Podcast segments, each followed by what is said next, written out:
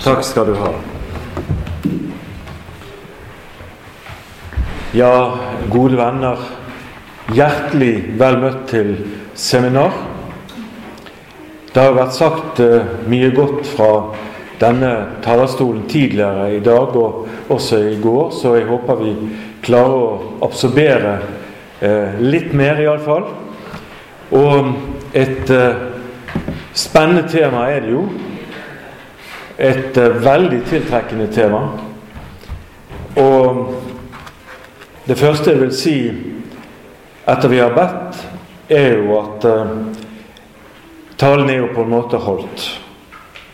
Men det skal jeg komme raskt tilbake til etter at vi har foldt våre hender.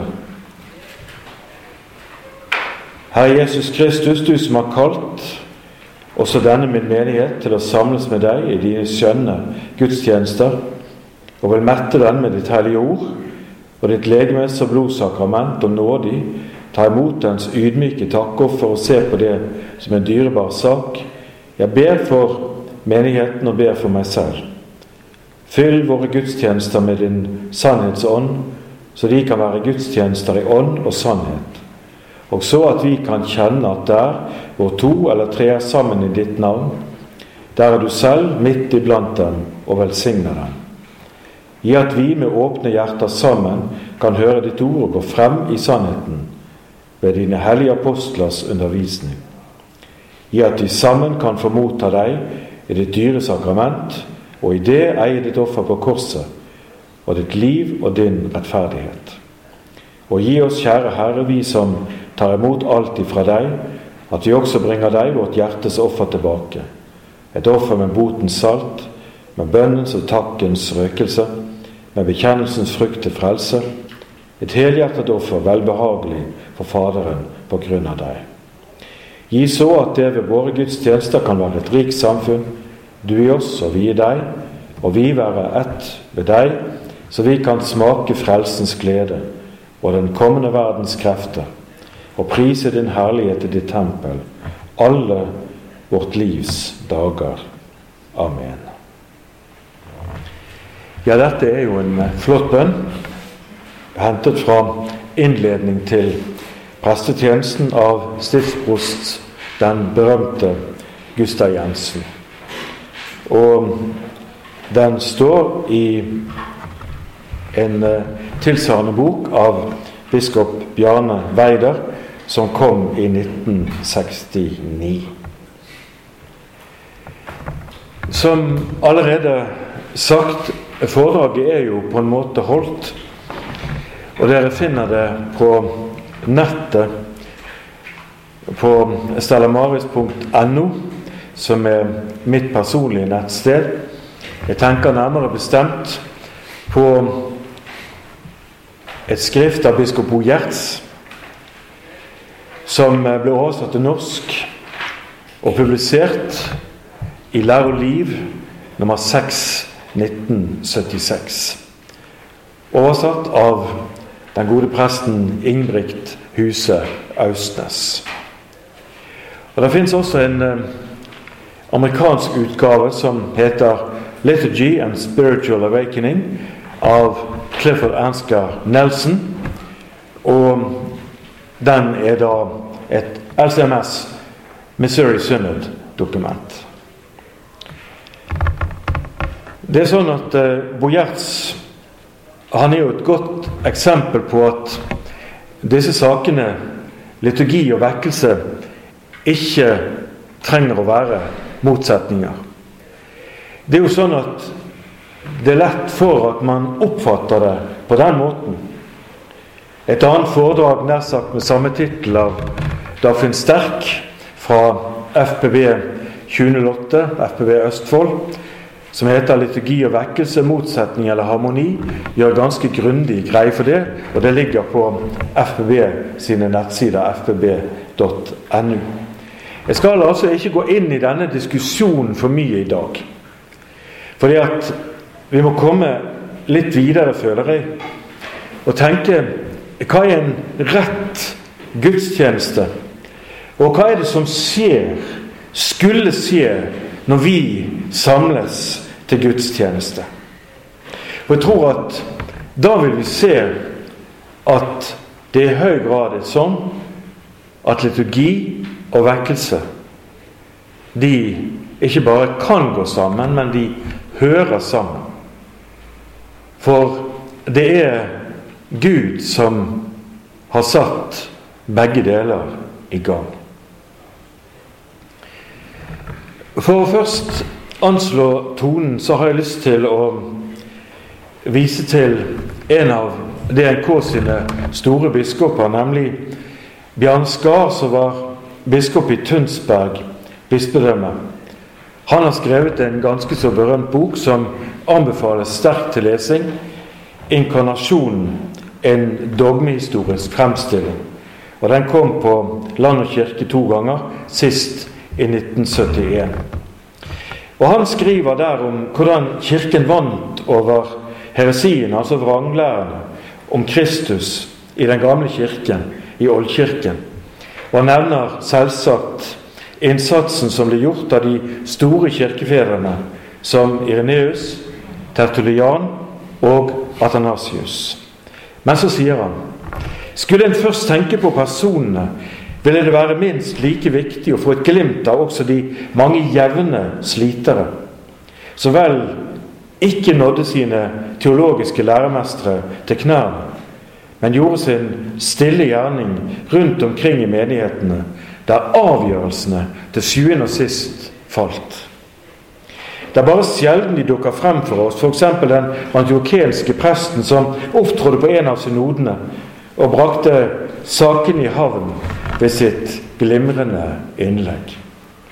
Eller den anonyme bondebispen fra samme tid som møter oss i Syria med en hel kirkeordning. Den er eh, intet mesterverk, sier Skar men en får hilse på en trofast arbeider i vingården. En som forstår seg på praktisk kristendom. Det stoffet dere får fra meg i dag, det er nettopp med tanke på mange trofaste arbeidere rundt omkring i menighetene som skjønner seg på praktisk kristendom. Og jeg selv er jo en slik, som har vært prest i DNK i mange år, helt fra 1978 frem til løpet nå var endt for noen få dager siden. Og For videre å bore inn i denne veldig interessante og besnærende materien, så har jeg lyst til også å sitere noe annet som kan sette mange tanker i sving fra nevnte bok av biskop Skar.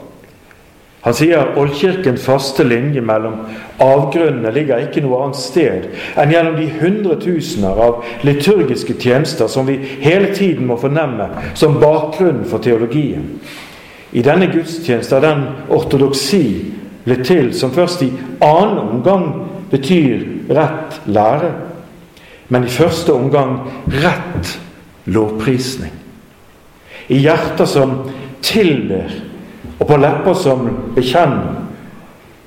Og med biskopen ikke med sitt skrivebord, men ved Herrens bord. Det er flott sagt, og det er helt riktig. Oskar skriver altså om kirkekampen da, mot slutten av det tredje århundret, f.eks. at de som ble kirkeledere, studerte Skriften og det vi kjenner som bekjennelsen i dag, og også de første kirkefedrene, som nevnte Ireneus, og vi kunne også nevne Hippolyt på nytt. Og Det som er der det dirrer, selve hjerteslaget, det er at det må gjøres alvor av Kristus som Gud og mann i bibelsk mening. Og Skar sier òg at med tanke på liturgien sin plass i dette bildet har man hatt en stille alliert i Kirkens aller helligste, i selve det gudstjenestelige livet. Her var stedet den gang som nå, hvor tidenes skiftende klima hadde vanskeligst for å gjøre seg gjeldende. Ritualer og liturgier har en seig styrke. De forvitrer sent og er ikke lette å omprege den dag i dag er vår høymesse i store drag den samme som den Justin Martyr og Ireneus, altså av Lyon, feiret. Guds ord, bønnetjenesten, nattverden, alt dette som en gudstjeneste skal inneholde. Alt dette som liturgien skal ordne. Hjertene oppad, vi har løftet dem til Herren.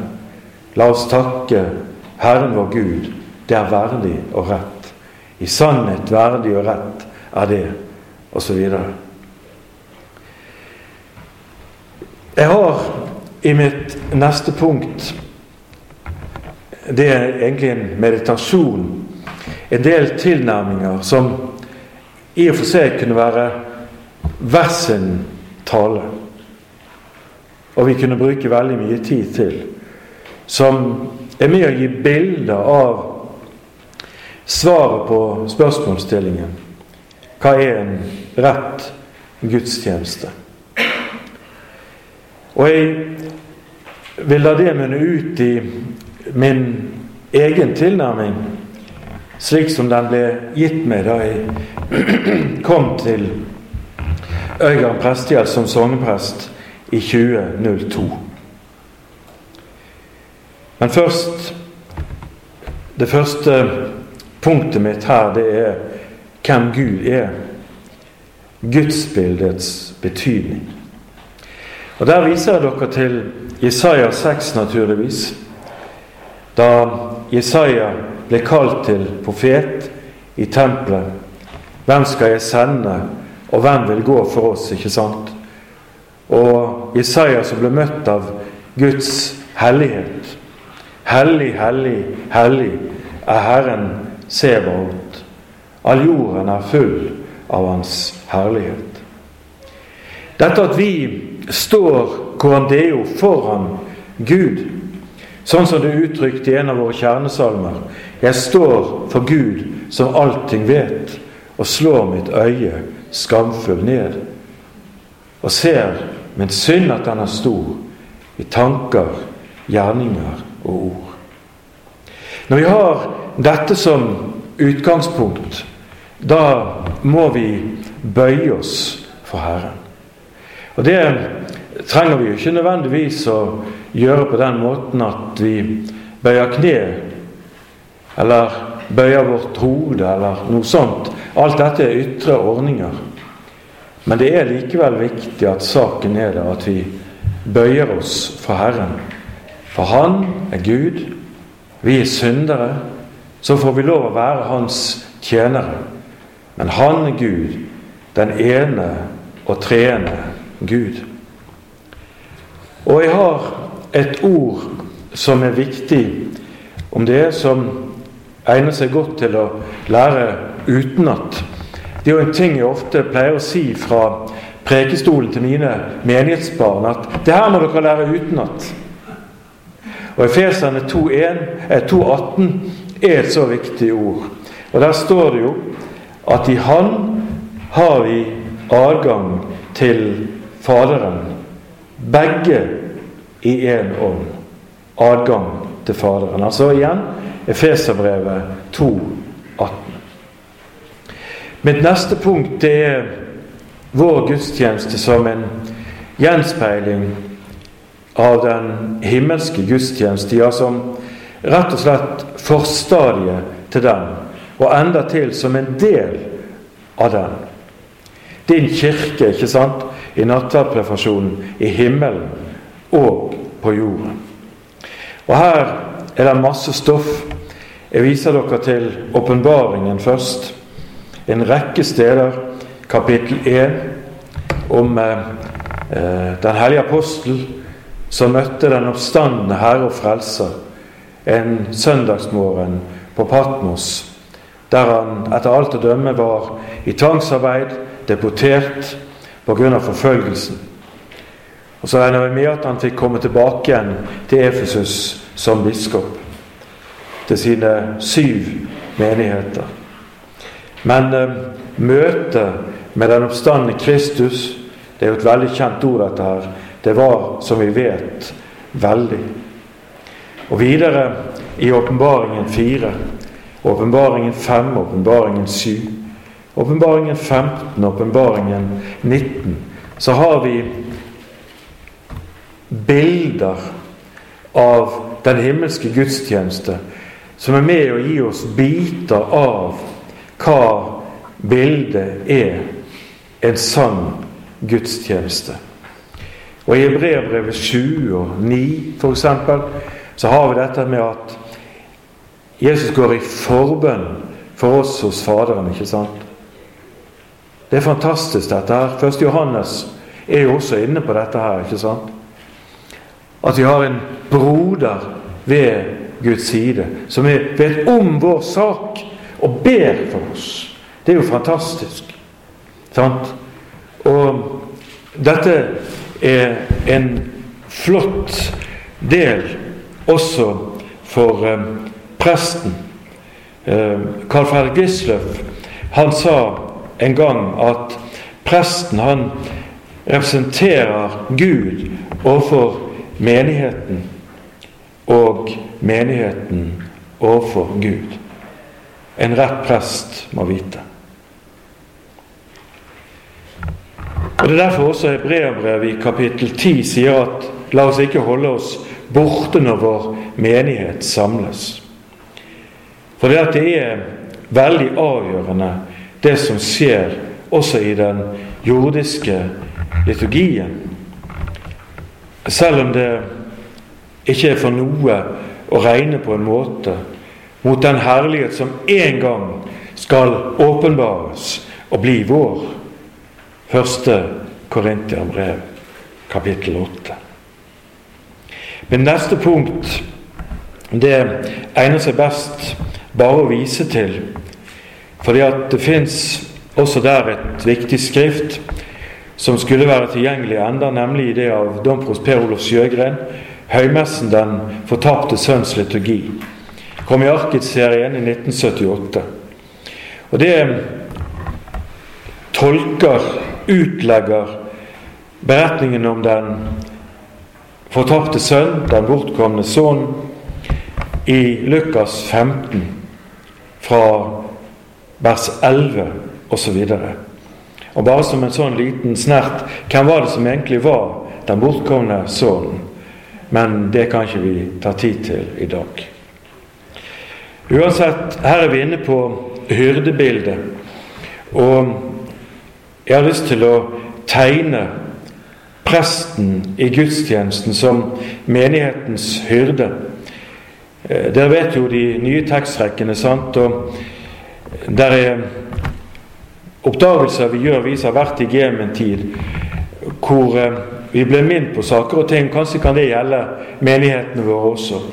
Og Sånn var det for meg i fjor, når jeg måtte tale over Johannes 10 fra vers 1.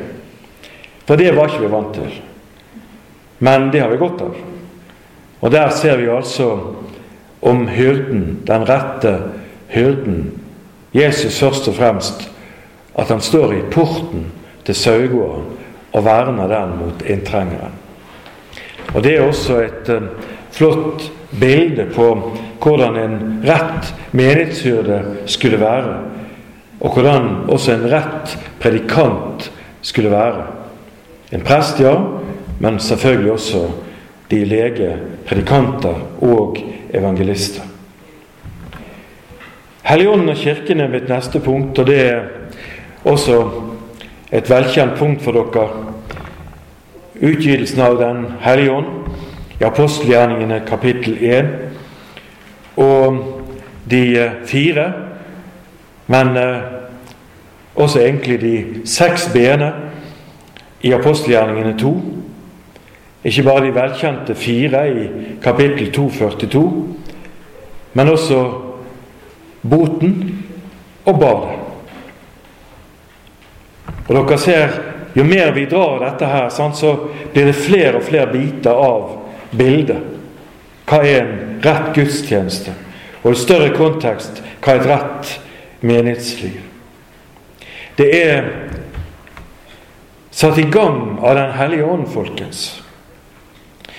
Og det skal jeg komme litt tilbake til litt senere i dette jeg skulle få lov å si til dere i dag. Men jeg vil også ha et lite kort punkt om barna og gudstjenesten. For det er blitt veldig kjært for meg, ikke minst der jeg har vært prest de siste elleve årene med det tette samarbeidet jeg har fått lov å ha med søndagsskole og med barnearbeiderne rundt dette med å integrere barn i gudstjenesten. Ta barna frem og synge med dem. La de få sin egen samling rundt gudstjenesten, og ikke minst lære de å rope Hosianna i det høyeste. Velsignet være Han, du som kommer i Herrens navn. Og I Matteus 21, 16-17 så ser vi en artig liten detalj om at Jesus, når han hadde ridd inn i Jerusalem, er borte i tempelet og tar imot barnas lovsang. Det er fint å tenke på. Og så en annen tilnærming mysteriet. Guds nærvær, sakramentet. Efeserne 3, 14-21, naturligvis. Efeserne 5, 32. Dette er et stort mysterium. Her tenker jeg på Kristus og Kirken. Og her toucher vi også på ekteskapet, sant? det hellige ekteskapet, som vi hører om i naborommet her, med Knut sitt seminar der. Alt henger sammen. Og i Kolossene 1 så er jo Paulus inne på dette her at han representerer mysteriet overfor kolossene. Apostolatet, eh, det som er et øyenvitne, ørenvitne om Jesus Kristus og Hans ord, det konstituerer Kirken. Sant? Det bærer Kirken videre. Og det bærer det som foregår i Kirken, gudstjenesten. Mitt neste punkt er brødres gjensidige trøstesamtale. Et uttrykk vi henter fra de smalkaldiske artikler, romertall 3, artikkel romertall 4. Malaki 3,16 er basisen. Mens de talte sammen, da kom Herren. Og så ble det skrevet en minnebok om de som frykter, ærer Herrens navn. Og Det er nok dette som står i bakgrunnen også for det som skjedde på Emmausveien. Dette er jo velkjent for dere, så jeg skal ikke dra alt det nå. Lukas 24, 13-35, og også kjente ord om kirken i Matteus 18, der hvor to eller tre er samlet i mitt navn. Der er jeg midt iblant dem. Navnet, ja, det er også et viktig punkt når det handler om å samles til gudstjeneste. Hva som konstituerer en gudstjeneste, hva en rett gudstjeneste er. Og Vi kjenner alle 2. Mosebok 3, sant, når Moses ble stoppet foran tornebusken, og der Gud presenterer seg for han og sier at han heter dette merkelige 'Jeg er den jeg er', eller 'Jeg er'. Og Jesus han tar dette opp og bruker 'jeg er' sju ganger i Johannesevangeliet. Og Dette også er en sak som egner seg godt til å lære utenat, folkens. De sju gangene Jesus sier at 'jeg er', at 'jeg er'. Han er jo livets brød, ikke sant? Han er verdens lys. La oss nå se om vi kan få med alle sammen. Han er den gode hyrde. Han er døren. Han er oppstandelsen og livet. Han er veien, sannheten og livet. Og hva er den siste? Vintreet. Ikke sant? Dette er veldig viktige ting når vi skal snakke om dette temaet. Men hvis vi går utover i en større sammenheng i Johannesevangeliet, så ser vi også at Jesus er han, jeg er Han. Noe som går tilbake til Jesaja 43. Nå har jeg ført dere frem til i denne meditasjonen som det andre punktet skulle utgjøre til min egen tilnærming. Og det er denne gudstjenesten som den store lovsangen. Gudstjenesten som den store lovsangen. Og dette var i min tid merkenavnet på gudstjenestefeiringen i Øygarden prestegjeld. Der er mange ting som ligger bak, f.eks. salmen av Blix. Den kvelden da han siste gang den store lovsang med dem sang, den siste gang til øver sky, han hallar skal sin nattverd ny, som dette verset heter i originalen. Men det går naturligvis tilbake til den store lovsangen som Jesus ba, som Jesus sang på torsdag, Salme 113 til Salme 118. Dette er dagen som Herren har gjort. La oss glede oss og fryde oss på den. Men det er også hele avsnittet fra Johannes 12 utover, der Jesus sier at timen er kommet da menneskesønnen skal bli herliggjort. Og ikke minst Jesu øverste prestelige bønn. Vi har hørt Preuss være innom her i sitt innlegg i Johannes 17. Her er det en rekke sentrale johaneske og bibelske begrep. Faderen og Sønnen og talsmannen, altså Helligånden. Og dere som leser mye i Bibelen, vet jo at her er det mange, mange uttrykk. Inkarnasjonen, altså ikjøtinger, som er en flott oversettelse til nynorsk. Taber nakliseringen, at ordet ble kjød og ble menneske, egentlig slo opp sitt telt, sitt tabernakel mellom oss, Johannes 1. Og timen som er kommet, altså i Johannes 12. Og om en liten stund, og den dagen når talsmannen skal komme, hvor alt skal bli oppklart og forklart. Her hører navnet til, som vi var inne på i forrige punktet budet, ordet og Jesu venner. Eller en parallell Faderen, Sønnen, talsmannen og Jesu venner. Det her er gedigent. Og dette er ikke alt. For her hører også med kjærlighet og glede og fred. Og bønn. Ja, for det er jo Den hellige ånd som skaper dette. Det er ikke bare sånn at Jesus altså skal lide og dø. Ikke bare sånn at han skal bli forrådt. Nei, han skal også seire. Stå opp igjen fra de døde. Og ja, Den hellige ånd skal komme. Og der ligger Kirken. Der ligger forsamlingen. Der ligger menigheten, kirkelyden, vennesamfunnet, eller hva man nå kaller det. Skapt av Ånden. For Kristi skyld føres vi like inn til Faderen. Og få lov til, som vi alt har sagt i det vi dro fra Paulus Gjennom Han har vi begge i én ånd adgang til Faderen. Men her i dette bildet også sakramentene. Det er et altfor langt og stort kapittel til å gå inn i nå. Men det begynner i f.eks. Johannes 1, går videre med Jesus og Nikodemus i Johannes 3, osv., osv., osv.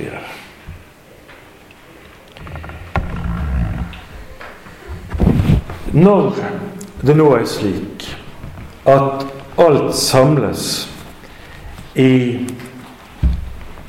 at vi får lov til å høre Jesus til bare av nåde og barmhjertighet av hans fullbrakte offer på Golgata. At vi blir opplyst dette ved Den hellige ånd. Og så at vi får kalle Gud vår far på grunn av Jesus så er det klart at det blir uendelig viktig både å samles, men også at det foregår rett, det som foregår i samlingen, i Faderens, Sønnens og Den hellige ånds navn. I navnet Faderen, Sønnen og Den hellige ande. Og her tegnte jeg alltid korsets tegn over min menighet og over meg sjøl.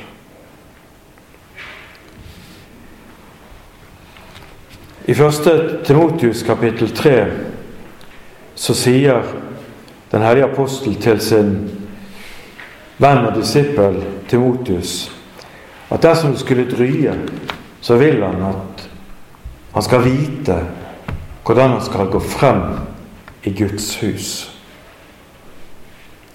Og Det er mer å lese om det òg, men vi eh, bruker ikke mer tid på det nå. Jeg har et uh, lite kompendium der som dere kan få hvis dere er interessert. Det er ikke så svært mange eksemplar, men jeg snakket med Bojo i går, og han sa at han trodde at Arne Dovøy, som er vert her nå, at han kanskje kunne hjelpe meg å få kopiert. Og ellers er jeg sikker på at Bojo kan hjelpe til med å få det mangfoldig gjort. Og Det ble også tatt opp og ble lagt på nettsiden til FPV. Og jeg regner med at det skal bli en råd med å få med seg enkelthetene hvis du ikke fikk med deg alt. Men siden dette skulle være et eh, seminar der det skulle være muligheter til å få ta ordet, så skal jeg slutte her. Men ikke før jeg siterer et uendelig viktig også programord for meg, nemlig det vi finner i Romerbrevet 12, i begynnelsen på det kapitlet. Romerne 12, 1-2 nærmere bestemt. For vi kunne si det på den måten Kristus for oss, det har jeg forsøkt å si klart for dere nå det fører frem til Kristus i oss ved Guds gode, hellige ånd. Og når det er sånn, så er det jo på den måten at Den hellige tjeneste, liturgien i kirken, eller på kjøkken, eller på arbeidsplassen, eller på skolen, eller hvor vi nå er, den er den hellige ånds verk. Men da er det vel ingen motsetning til vekkelsen? Er det vel? Når uh, Gud griper fatt i et menneske og sier du må omvende deg.